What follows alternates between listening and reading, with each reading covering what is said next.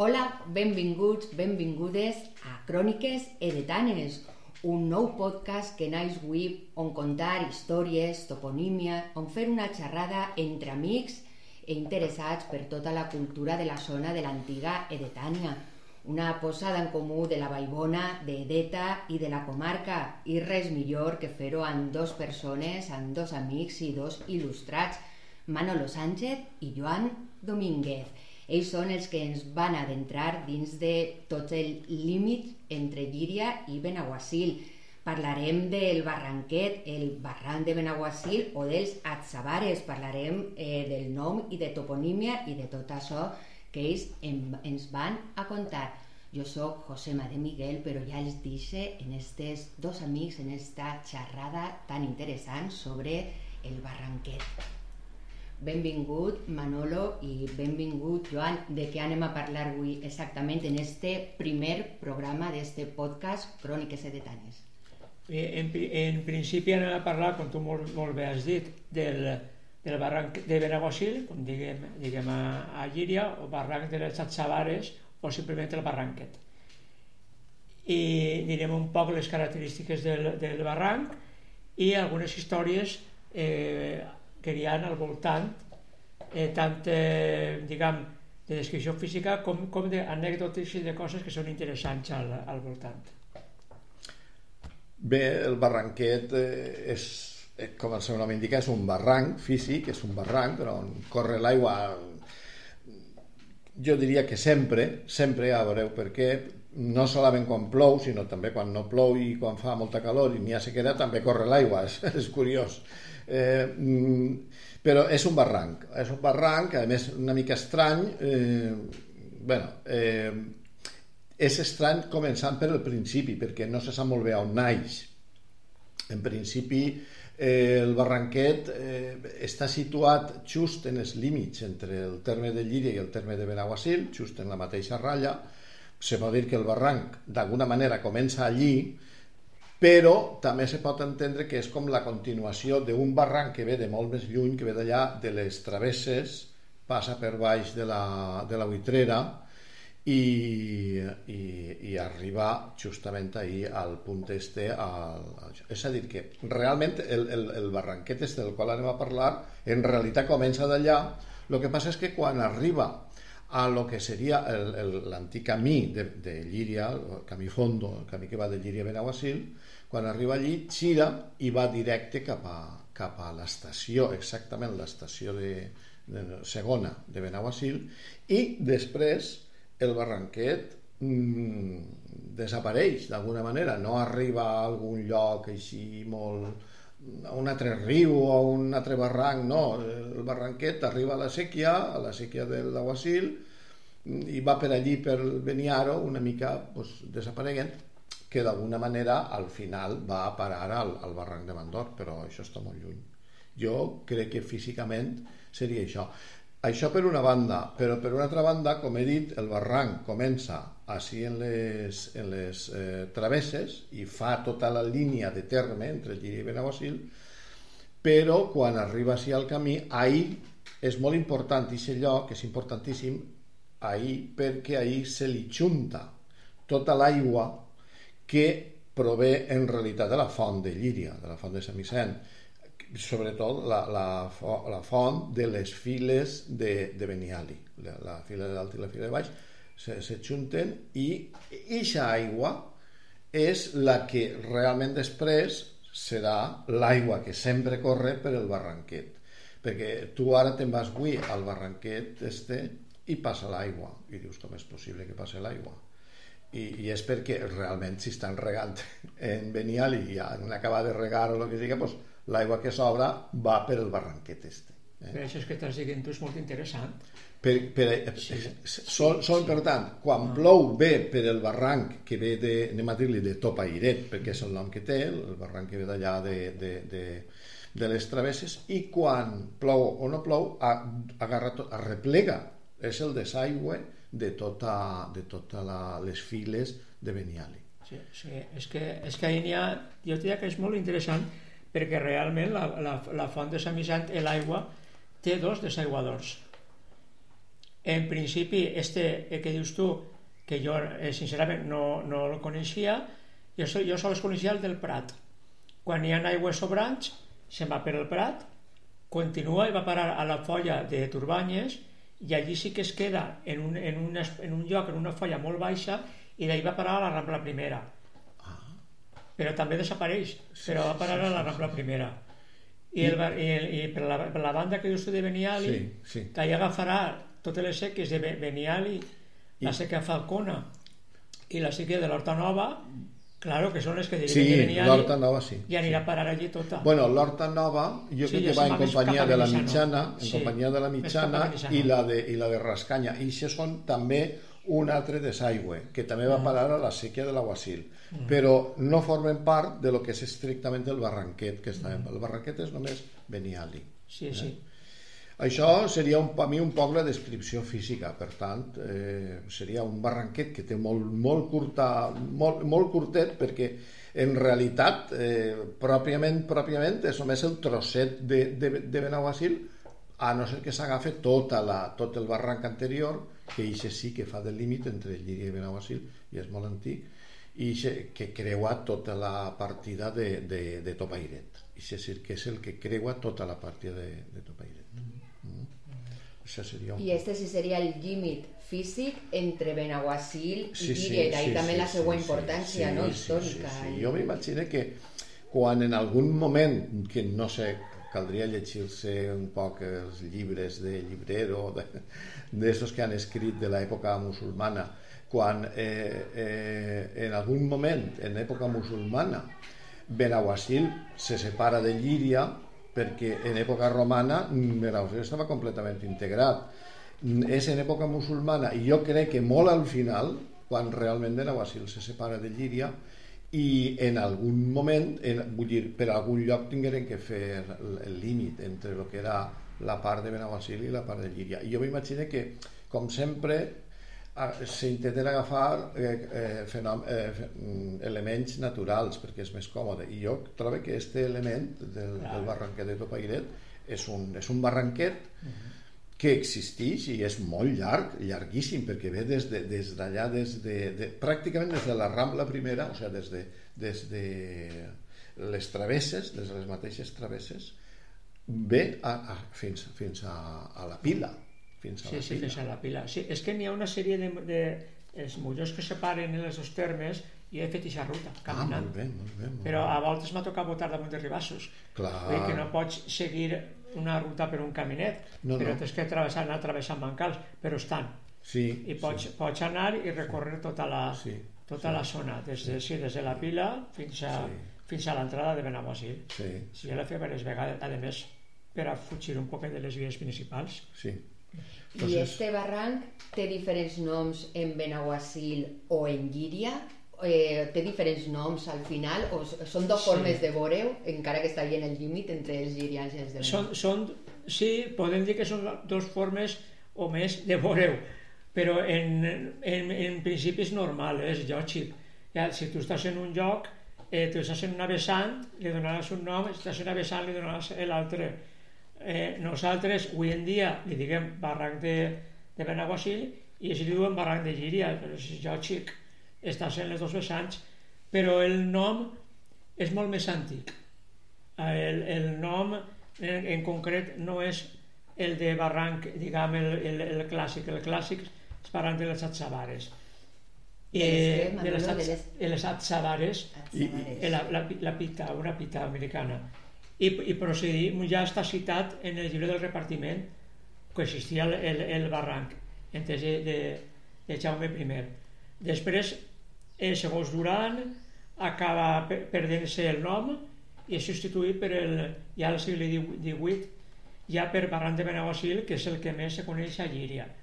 I pareix que en Benaguasil al final ho han simplificat i ja no és ni barranc, ja és directament el barranquet, no, Joan? Bueno, és que eh, nosaltres en, en Benaguasil diguem el barranquet de Llíria, però normalment diguem el barranquet, però ha de ser sempre en diminutiu, perquè si dius el barranc és un altre, un altre lloc. El barranquet és, és, té una importància tan gran, el nom este del barranquet, que ha donat nom a dos elements de, de primera categoria. Un és la- l'estació. L'estació del tren, l'estació de Benaguasil II, la gent de Benaguasil no diu me'n vaig a Benaguasil II, diuen me'n vaig al Barranquet. El Barranquet és el nom de l'estació però, i és el nom distint de l'altra. Benaguasil I és eh, l'estació de baix. Eh, I la del Barranquet no és la de dalt, perquè la de dalt és, és la del tren de dalt. O sigui que esta, la Bena- Benaguasil II, és el Barranquet, però així, sense més. La, bueno, I l'altre element d'enorme importància és l'estadi de futbol. L'estadi de futbol de Benaguasil se diu el Barranquet. I justament fa referència al Barranquet de Llíria. És el Barranquet este de Llíria. Clar, el Barranquet este de Llíria passava per dins de l'estadi municipal i per, per dins de l'estació. O sigui, eh, realment quan plovia creuava la via, el Barranquet creuava la via i actualment hi ha un jardinet allí, hi ha un espai molt gran davant de la via de Benaguasil II, si ho heu vist, uns jardinets. Això, aquests jardinets no estan ahí perquè la gent li agraden els jardins, sinó perquè això era una bassa, una bassa que cada volta que plovia el, el barranquet de Llíria omplia tot allò d'aigua. Actualment ho han desviat per l'altra banda de la via i ara no, no, no s'inunda, però el nom ha quedat l'estació del Barranquet i l'estadi del Barranquet. Eh? És, és el, el, això jo volia... El nom en Benaguasil seria Barranquer, però tu havies dit un altre nom que a mi m'ha sorprès molt, Manolo. Ens pots explicar lo del barranc dels Atzabares, què vol Sí. dir? Les, les, les, les atzabares eh, en realitat és la, és la pita, és el- l'agave americà. Però hi ha controvèrsia, perquè, clar, el, eh, si, el, si, Jaume, si en les tres de Jaume I ja se cita, en 1258, ja se cita el barranc de, le, de les no s'ha descobert a Amèrica, per tant, lo de la pita en aquell moment és, és impossible. Per tant, creguem que se deu de referir a algun tipus d'agave, però no en concret a dice, o, algunes, o plantes paregudes. De totes maneres, la, la xavara, l'agave americà a la llarga, tant a Llíria com a Benaguasil, ha acabat sent una planta molt usada i molt, i molt tradicional. I si al final se li dona el nom al barranc per la que fora fon més tardà i se li dona, doncs benvingut siga, perquè re, realment és una planta d'uns usos in, interessantíssims. L'agave procedeix en principi d'Amèrica, procedeix de, de, de Mèxic.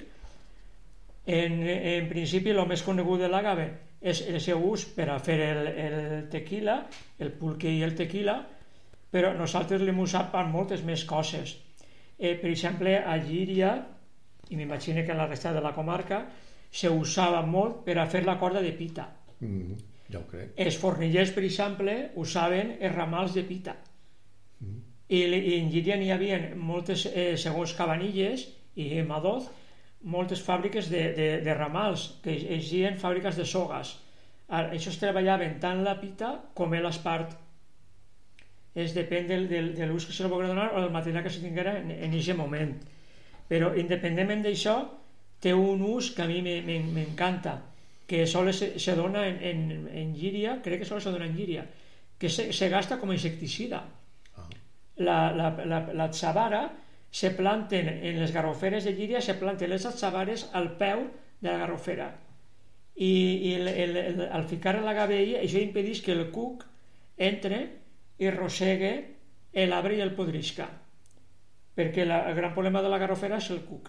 Tens que, tens que podar cada dos o tres anys, tens que netejar per dins, el que diguem en llirià eh, se fa com un triangle i traure tot el, tot el que hi ha, tot el que hi ha dins, tot el, el, la cosa que ha quedat La corca, podrida, la corca, diguem, sí. no?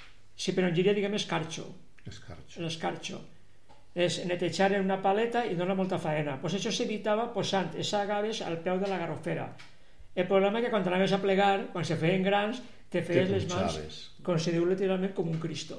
Com un axioma. Te, te, com, un, ax- com un axioma o un axiamo, que diguem en. Un axiamo. I això és un dels, dels usos més interessants. I l'últim que diré, per no tallar, fer massa llarg això, és el, el tema de les agulles de les atxavares. Eh, Les agulles se tallaven i servien per a foradar el- els telers de, dels bordats. Quan estaves bordant, se, se usaven agulles de atxavara, sí, sí, de, sí, sí. de pitera. És, és una, una planta que la pots veure en la Concòrdia, per exemple, en, en molts llocs, perquè se gastava per a, per a moltes coses. I això és, prové del nom de, del barranquet. Segurament en este barranc eh, creixien moltes atzabares, perquè clar, això era un barranc, realment tot, tot, tot, tot el barranc que este, tota la tirada llarga que n'hi ha, pues era, estava tot gir era roca i allí estava perdut perquè allí no podies conrear res perquè venia una ploguda i te s'enduia tota la terra. O sigui que és possible que allí creixeren moltes atzabares jo sí que recordo que en, en l'ermita de Benalcí en la muntanya de l'ermita Montiel eh, un any per allà per als anys 60 o 70 feren tota la costa l'ompligueren tota d'atzabares tallades, no? però en pla ornamental. No? I, Ai, però, però vull dir, això el que vol dir és que hi havia moltíssimes, justament allí al costat del barranquet, justament al costat de l'ermita. Sí, el que passa que n'hi ha una certa controvèrsia, Joan, perquè, clar, si, si, si, la, si la pita, jo com he dit abans, procedeix després de la, de la conquesta mm. d'Amèrica, mm Clar, quina és la, la planta que sí. realment donava nom Clar. al barranc? Eh, jo, el que, el que... Bueno, anem a veure. Eh, per lo que hem estat comentant, en temps de Jaume I dius tu que s'anomena el, el barranquet este.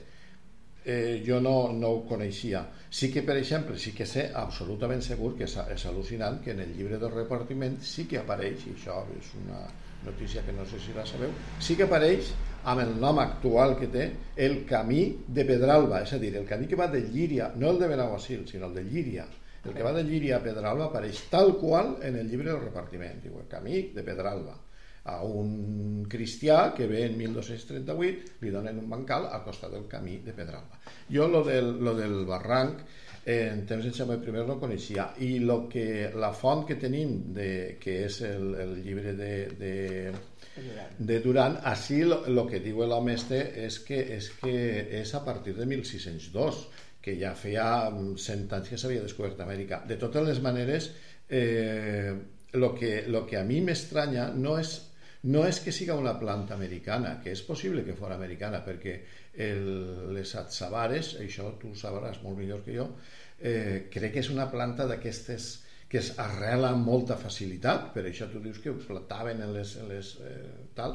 És una planta que arrela amb molta facilitat. No m'estranyaria, no m'estranyaria que, que des de que descobreixen Amèrica 1492 fins al 1602, ahir n'hi ha cent i pico d'anys, que, que hagueren pogut dur alguna planta americana. El que a mi m'estranya és que una planta americana tinga un nom àrab això és, el que, lo, això és la, la cosa rara. Clar, això anava jo. Exacte. Clar. Aleshores, sí. ahí és el que estàvem comentant, que és possible que a esta planta americana, que sí que, que a millor el barranc de les Atzabares se diguera així, perquè hi havia, com tu molt bé has dit, pites o Atzabares, eh, i que aquestes plantes hagueren vingut d'Amèrica, el que sí, sí que és estrany és que s'anomenaren Atzabares quan el nom Atzabara és molt anterior a la conquista, és, és, un, és un arabisme i ara és el que comentava, que pot ser era una altra planta Clar. que li semblava i se li va donar el mateix. És que jo tinc ahí una opinió al respecte, home, no sé, no la puc fonamentar documentalment,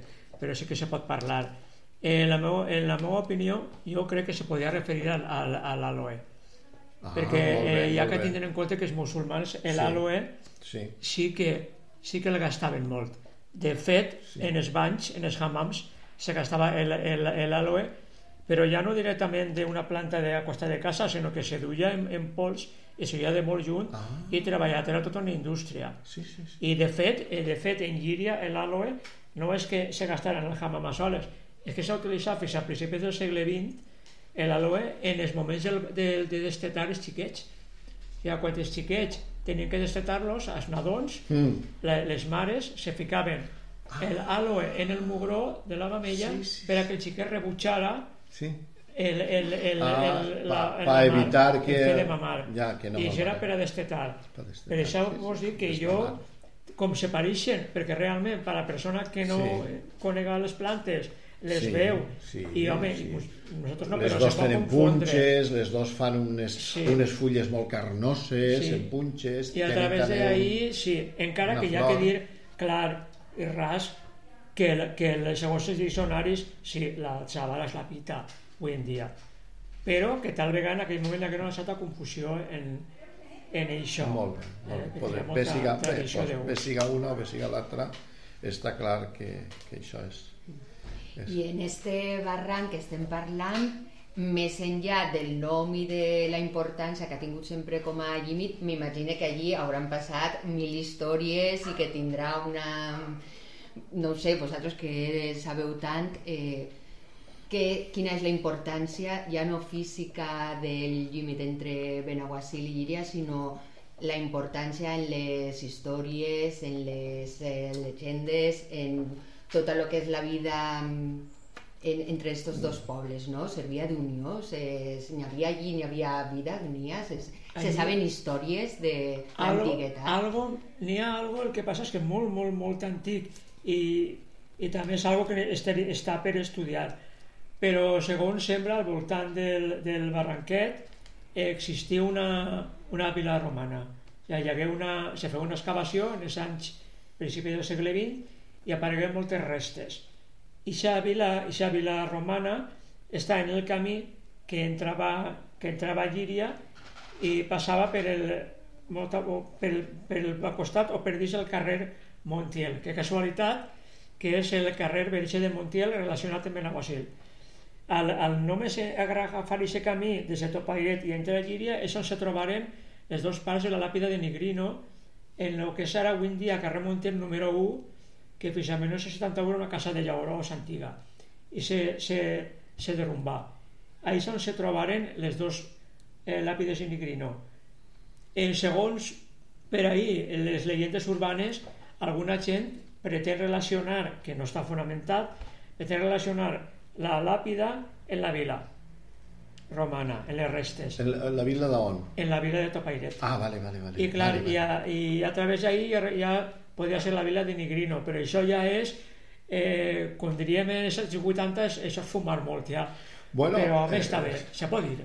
No, pot eh, anem a veure, és, és, eh, jo també la, la vila aquesta sí que havia, tenia, havia sentit alguna volta parlar de la, eh, Topairet, però ahir n'hi ha un parell de coses que cal, que cal comentar. Una primera és que tu parles de Nigrino i, i la possibilitat de relacionar-les en la vila de Topairet. El que sí que és transparent i ahí no n'hi ha possibilitats d'error és que la, la primera notícia sobre Nigrino se trau justament d'una làpida que se troba en Benaguasil però en el centre de Benaguasil.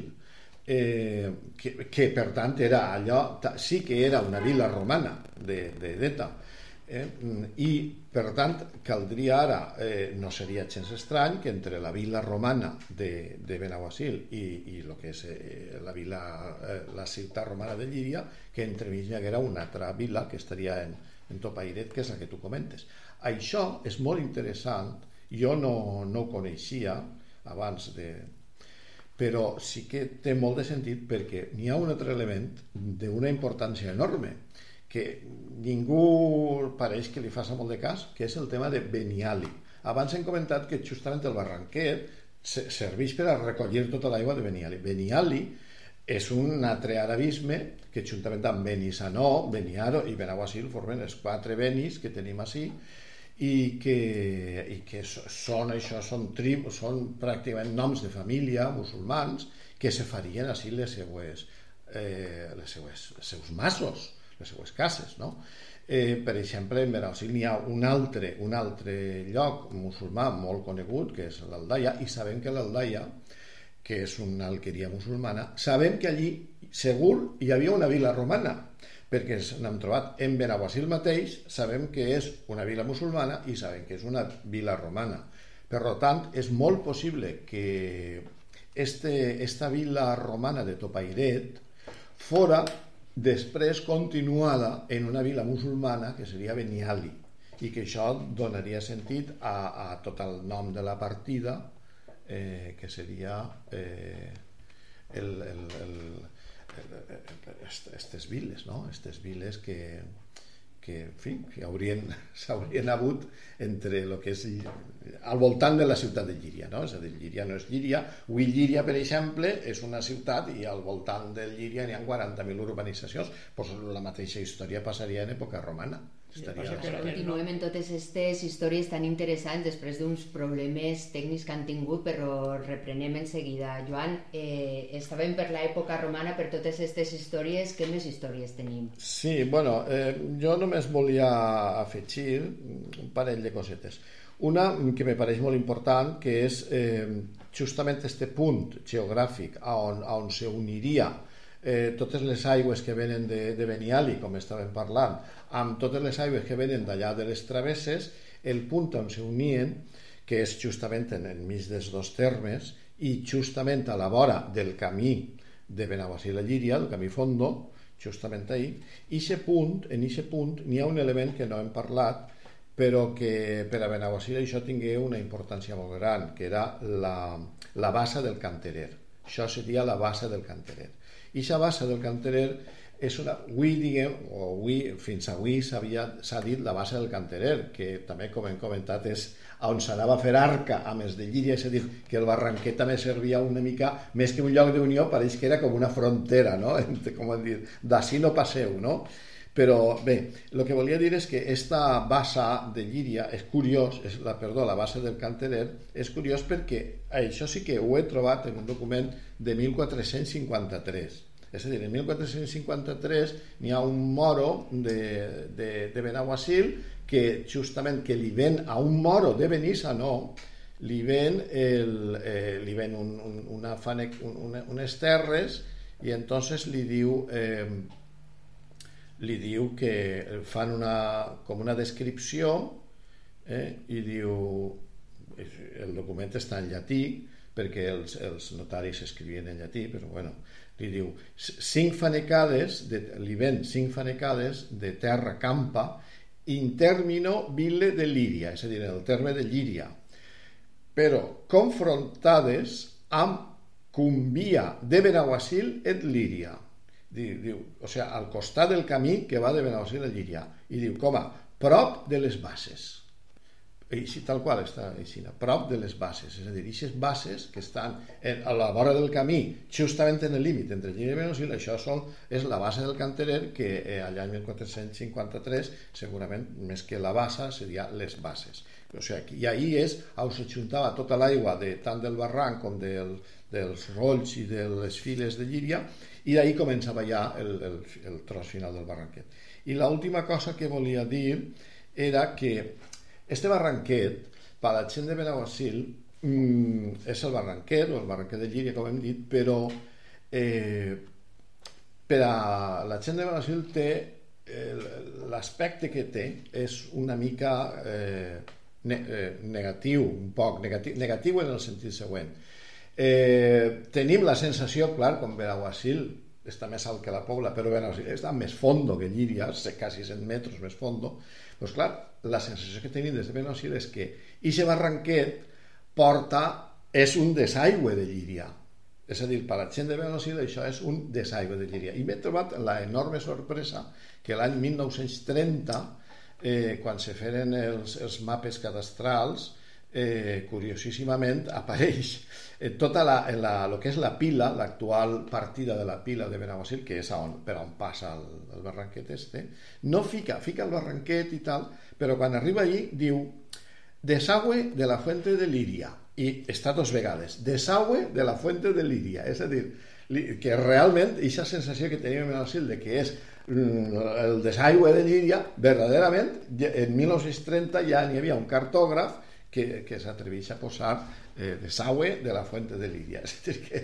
el barranquet, sí. la sensació que, te, que tenia és una mica, o sigui, també una mica en paral·lel al que passa també en el Pouet de Benissanó, que si sol tal, bueno, per aquestes coses que passen, però que realment d'alguna manera és cert, no? Desaigua en el sentit normal de que és per on passa l'aigua que sobra, això. Bueno, ja... I tu què? I... Sí, jo volia ja també per a, per a anar finalitzant és eh, parlar d'una els voltants del barranc entre el terme de Llíria i Benaguasil n'hi ha un tossal que a Llíria té molta importància molta. que és la butrera ah. la butrera i la, la butrera que curiosament és un nom en castellà eh, però bé, eh, ho acceptem perquè és el que bueno, hi ha. és un nom, sí. jo penso que és més bé un nom aragonès perquè Sí. està molt, està, la Buitrera està tocant el que és la via, la via eh, de, de, eh, pecuària, passa per allí mateix i és possible que, eh, que en aquesta via pecuària pues, els aragonès, de- que ve de Saragossa, que aquesta via ve de Saragossa per Alcubles, i és més aragonès que això, però bueno, perdona. Sí que és fàcil, perquè hagut molt de pas. Llíria era una ciutat de, de pas, Clar, una localitat de clar, pas. clar. Hi ha molta gent, sobretot de l'interior del País Valencià. Mm. Pues bé, la, la, la botella de, la- de la que ja hem parlat el nom, eh, Duran l'anomena la, la, l'anomena com a el lloc on se, eh, se podia executar als, als presos condenats a, a mort en l'edat mitjana. Mm. Perquè, clar, eh, la butrera on comença no el pic, sinó on, on el comença, no dalt del pic, sinó pràcticament el que en dia és el Raval, i se va residir a la Vila Nova de Llíria. Estava la Vila Vella, on estava ubicada la, la, la ciutat clàssica, el poble clàssic, i després anar creixent també de, de dalt cap avall. Doncs això era la, la Vila Nova.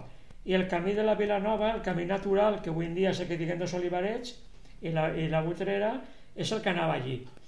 I llavors se diu que si se, se podia executar a la gent en, en algun punt del sender, ja siga al principi o al final.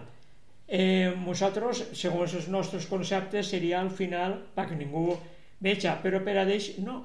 L'època de, en l'edat mitjana era servia d'escarment. Mm. Entonces, eh, se tenia que veure el cadàver. Eh, estaria més pront a prop que, que, que lluny. Però ahir n'hi ha també, com tot el rato estem parlant de controvèrsies, n'hi ha controvèrsia. Perquè al segle XVIII sí que n'hi ha documentació escrita que la muntanya de les Forques era el pic. I se dia així, muntanya de les Forques. Clar, això sí que té lògica, que les forques de Llíria estiguen al peu de Sant Miquel on se veu de tot el poble.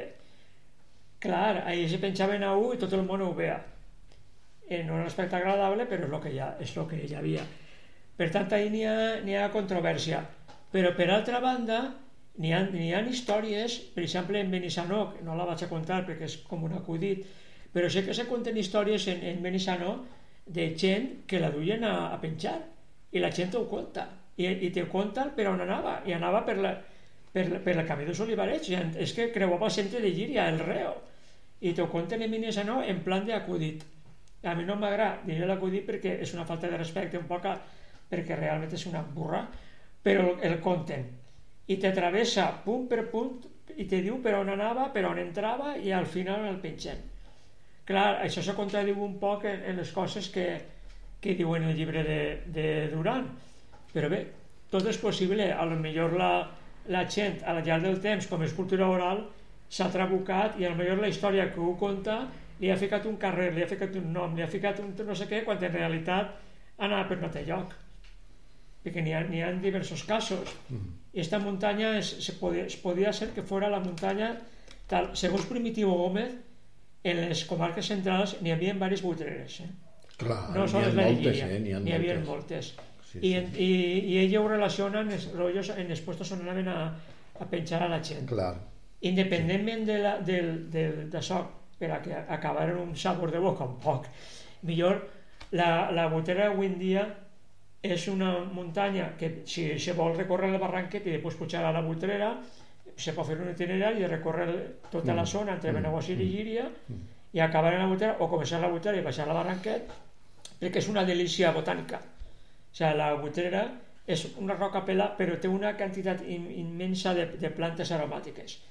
I després quan vas pujar va canviar, va canviar la vegetació és una pina molt ombrívola al final i les vistes que n'hi ha de vertes geodèsic sobre les travesses que dius tu que el barranquet Mm. va per el peu. Sí. les vistes d'allí són, són molt boniques, són Mm. increïbles inclús en els dies bons el riu se veu perfectament com és la, la boira de dins boira. i els Mm. arbres que envolten el, el, el riu Sí, el Túria. el que se veu molt bé és la, el riu per la, per la banda de Vilamarxant, perquè Sí. tens les, les rodanes enfront i veus la boireta del riu és increïble i és, és una muntanya I a més és curiosa perquè aquesta muntanya, mm, és a dir, si tu mires des de la Vallbona, des de la Pobla o des de la Liana, tu mires cap així, veus les, les, tres, grans, les tres grans muntanyes, no? L'ermita de Benaguasil, Sant Miquel i la Buitrera. I curiosament de les tres, La més alta és la Buitrera, no és Sant Miquel ni és la Mon ni Montiel. Montiel és més baixeta, després està Sant Miquel i després la Buitrera. És la més alta, curiosament.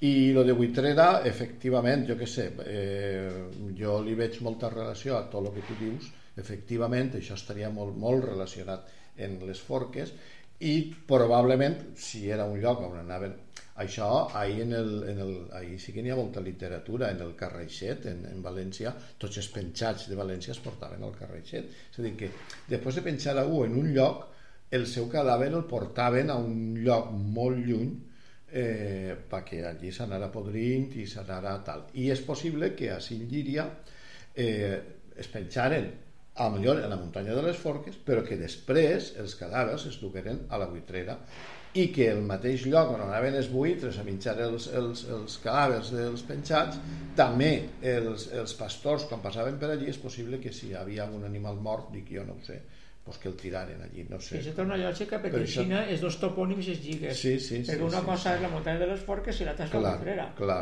Perfectament, clar, entonces se podia clar, lligar. Sí, sí. De, perquè de... en, en València, per exemple, sabem que les forques se ficaven en el, en el riu en la, i en la plaça de Mercat, tant a la plaça de Mercat com en la Rambla, que diuen en València, se'n penjaven o mataven a la gent, però després la gent no la deixaven ahir, se l'emportaven a, a més per amunt de Follos o no, ahir al carreixet i és on se podria... A, a, mira, on està l'ermita de, dels peixets o per ahí, per ahí crec que De totes maneres, n'hi ha una cosa en, en Llíria referent a aquest tema tan escabrós, és una, una partida que no té que veure el barranquer, però sí en el que estem parlant, que se diu el quart de Martinxo. Eh, hem estat treballant un poc el tema, això Carles Asensi és l'expert en això, el Martinxo era un roder, i el quart és una part del cos. I, se, i se, Clar, que moltes vegades quan es mataven es, els es esquarteraven. Sí, sí Es esquarteraven i una part està justament tocant el tema de Bugarra, la quart de Martinxo. I està, està viu el topònim, Sí, sí. quart de Martinxo. És, és fàcil que una part anara ahí, l'altra anara a la botera, perquè si era un roder que estava realment, se feia per amalair-lo, Sí, sí, sí. i segons la, la religió oficial del moment, això era mortal, o sigui, desmembrar el cos i Sí. que se'l menjara un gos era una infàmia. sí. Ves? Jo per, no vull que estendre més en això perquè al final tenim que sopar. No, però el que està clar és que, és que eh, tot el tema este, també el, el nostre barranquet, que passa justament per el peu de la buitrera, pues, s'enduia tot això Sí. i en la bassa del canterer se, Sí. se purificava tot i, i allí. Manolo, Joan, estem quasi arribant al final del podcast, però no haveu dit res de Topairet. Abans d'acabar, mos podeu aclarir un poquet què vol dir este nom i on està i quina és esta partida? Què passava en Topairet, Manolo? Sí que hem dit, sí que hem dit alguna de Topaire quan hem parlat de, la, de les restes romanes. Eh, Topairet és una partida de, de, que separa els termes de Llíria i Benaguasil. I té una característica molt, molt curiosa, és que i passa igual que en Beniali, que són partides on són de regadiu, històricament de, de sempre, i a més un regadiu excel·lent, però també n'hi ha moltes zones dins de secà, cosa que no passa en les demés partides de, de horta. N'hi ha unes garroferes enormes, de fet, al voltant de Beniel, al voltant del Cabeçolo i al voltant del Barranquet, ha, són d'unes dimensions Sí, Molt- jo, molt grans. recorde, jo, jo recorde que fins als anys 70, a la vora just del barranquet este, que estem comentant, hi havia una garrofera enorme, enorme, molt famosa, que estava en Llíria, perquè estava a l'altra banda del barranquet i per tant era de Llíria, però el, els amos eren de Benaguasil, el Ponut, la garrofera del Ponut, una garrofera impressionant, que finalment no sé què passa, que se li pega foc, se crema i ja no... i La garrofera del Ponut. La garrofera del. Ah, això està molt bé perquè en Llíria n'hi ha diverses garroferes molt conegudes i jo això no la, no la, no la coneixia perquè jo les, les que conec estan al secà, al, al, al pla, en la muntanya, camí de la Concòrdia. Sí, sí, sí, sí. La garrofera del Ponut. O sigui, però que tu dies de que n'hi ha unes garroferes grans, clar, si estan a la vora del, del barranquet, vull dir que és que no, allí creixeran bé. Allí creixen bé. I a més tenen l'avantatge de que és una zona que és pràcticament el millor clima de la, de la, de la zona. La zona de Benial i, i Paca Barranquet és molt càlid. Sí, perquè ahí està, té, té tot el ponent tancat per la, la, la buitrera i Sant Miquel tanquen tot el ponent i per tant tots els aires de ponent no, ahir només li veig el llevant, està completament de cara al llevant. Jo me sorprenc perquè a voltes, anant passejar-me per allí, no, les garroferes no és que tenen producció, és que tenen un matalàs de, de garrofes, que en cada garrofera te pots fer pràcticament mig, mig remolque, i aquestes garroferes mm -hmm. treballen molt, sí, però sí, per desgràcia a poc a poc se van arrencant. Sí. Perquè ara, ara ja no ho sé, perquè el preu que estan agafant eh, mm. este any me pareix a mi que al final es tornaran a plantar. sí. sí. I respecte al, al topònim, este, al, a la partida, és veritat, és, és curiosa aquesta partida, perquè, per exemple, Beniali és per la gent de Benaguasil és completament llíria, és a dir, dir Beniali és dir llíria, perquè se rega de la fila de Beniali, que és tot llíria, etc. I ja, quan passes la ratlla, en Benaguasil diguem la pila, és tota la, tota la pila. Però en, en Topairet no passa igual. Topairet és tota la part de Llíria, és Topairet, però passes el barranc i hasta les mateixes parets de Benaguasil continuen dient Topairet. De fet, n'hi ha molta gent que, que, que, que es barres, es barres que toquen de, de Benaguasil, hi ha una muntanyeta allí, i diuen Topairet. O sigui, Topairet entra dins del poble de Benaguasil actual.